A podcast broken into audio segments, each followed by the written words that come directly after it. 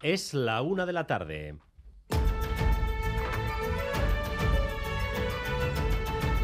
Crónica de Euskadi con Dani Álvarez.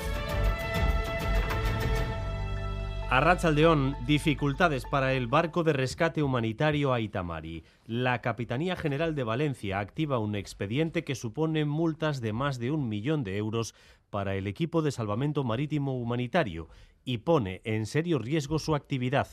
El origen de todo está en Italia, hace dos años. Ahora la ONG va a presentar alegaciones para intentar desactivar esta multa. Maider Martín. Alegaciones a un expediente disciplinario incoado ahora por España, pero que data de mayo de 2020, cuando el gobierno italiano desarrolló toda una campaña de inspecciones con sanciones administrativas generada por los ministerios de Interior y Transporte italianos, en ese momento socialdemócratas, con un objetivo, bloquear la labor de los barcos de rescate. El PNV y Euskal Herria Bildu anuncian ya medidas de presión política hacia el gobierno de España para sortear esta situación. Y el gobierno vasco muestra su apoyo a la Itamari anunciando respaldo de todo tipo, incluido el económico. Y Manuel Manterola. ¿Por qué el gobierno español ha decidido tramitar este expediente, esta sanción a estas alturas después de dos años? Esa es la pregunta que sobrevuela en el ámbito político. El gobierno vasco y partidos siguen mostrando su apoyo al barco de rescate humanitario. El PNV ha pedido en el Congreso explicaciones por escrito al gobierno de por qué se ha incoado ahora ese expediente. Explicaciones que también EH Bildu pide solicitando la comparecencia urgente de la ministra de Transporte. Desde este mediodía, en un tanatorio del centro de Bilbao, está abierta la capilla ardiente del dirigente socialista y exconsejero Rodolfo Ares. Se prevé que durante las próximas horas por allí desfilen los principales dirigentes del Partido Socialista y de otras formaciones que compartieron con él vida política. Xavier Madariaga, adelante. La familia socialista está de luto y tiene hoy su punto de encuentro en este tanatorio de Bilbao. Desde mediodía y hasta las 8 de la tarde, por aquí están pasando grandes figuras del socialismo de ayer y de hoy. Hemos crecido eh, aprendiendo de él su capacidad ejecutiva, operativa, un hombre de acción. Cumplió su final de su vida, protagonizar la paz, la gran victoria que todo este pueblo consiguió hace ya 12 años. Si con alguien ha discutido Rodolfo y se ha llevado bien, al mismo tiempo Rodolfo ha sido con, con nosotros, con el Partido Nacionalista Vasco. Lo han oído. También el resto del espectro político quiere hoy dar su apoyo a los Ares. Por la tarde se espera que se desplace hasta este tanatorio, hasta la capilla ardiente por Rodolfo Ares, el Lendacari Urcullo, acompañado por el consejero Ercoreca parte del debate entre los partidos esta semana se centra en la decisión de enviar los tanques Leopard 2 a Ucrania. Los socios de gobierno y Unidas Podemos creen que es conveniente que haya debate y votación en el Congreso, aunque Moncloa considera que ese trámite no es necesario. Al mismo tiempo, aflora una discusión sobre quiénes son los de la diplomacia y quiénes los de la guerra. Hoy Otegui en Boulevard acusaba a las élites de llevar adelante una peligrosa escalada bélica con el envío de tanques y pedía una mesa de negociación. La eurodiputada del PNV, Izaskun Bilbao, le responde. Están jugando con la vida del planeta, de la humanidad, nos están llevando a una escalada que no tiene salida. Lo que hay que exigir es que se sienten en una mesa, dialoguen y alcancen un acuerdo. A mí me hubiera gustado que EH Bildu, con una violencia y otro tipo de armamento más cercano, hubiera reaccionado de la misma manera diciendo que no se pueden utilizar.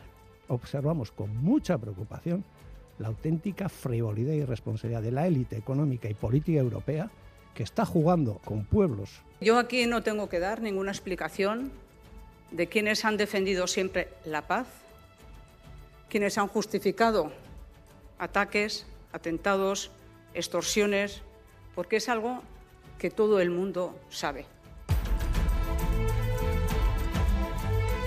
El conflicto entre trabajadores y dirección en Vizca y Bus por la renovación del convenio vuelve a estar detrás de un sabotaje mediante pintadas y rotura de retrovisores que ha inutilizado 80 autobuses de las líneas de la margen izquierda y la zona minera.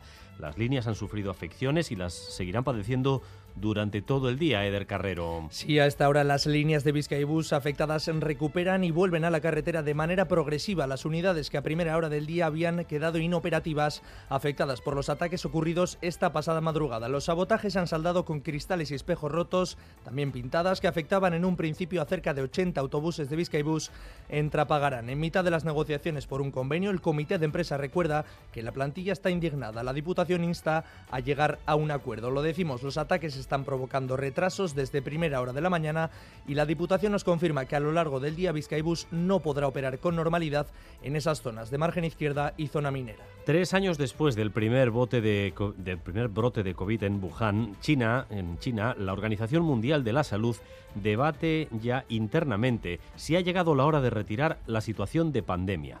Las olas han dejado de tener incidencia y ni siquiera la propia reapertura de fronteras en China ha empeorado, las cosas.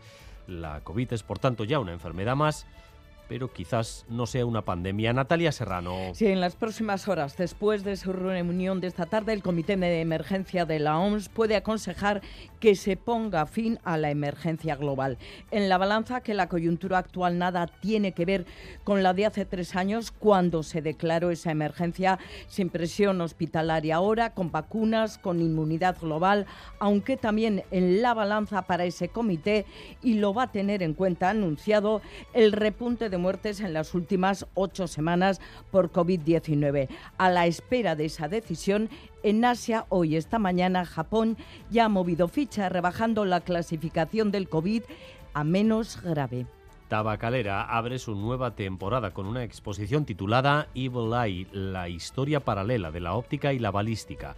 Aborda la relación entre los avances tecnológicos en la óptica y el desarrollo armamentístico. La comisaria es Ana Teixeira la exposición tiene una dimensión narrativa que emerge de las obras. Eh, la manera como estos regímenes visuales uh, están siempre o tienen siempre una dimensión colonial, uh, una, una, dimensión de género eh, uh, y, y, una dimensión imperialista. Y vamos también con lo más destacado del deporte, Álvaro Fernández Cadierno, Arrachaldeón. Arrachaldeón con la resaca de esa clasificación del Atlético para la semifinal de Copa, la cuarta consecutiva. Ayer esperan Barça, Madrid y sobre todo Osasuna. El lunes se sabrán los emparejamientos. Los Leones conseguían ayer el billete al ganar por 1-3 en Valencia y hoy dos citas, Euroliga, Basconia Efes a las ocho y media y en el mano parejas Arranca la décima jornada en Endaya con el Lasso Imaz Peña Esquiroz. Continuamos con frío y con lluvia. La cota de nieve puede descender esta tarde a los 400 metros. El viento está soplando de componente norte y en algunos puntos del Valle del Ebro lo hace con fuerza.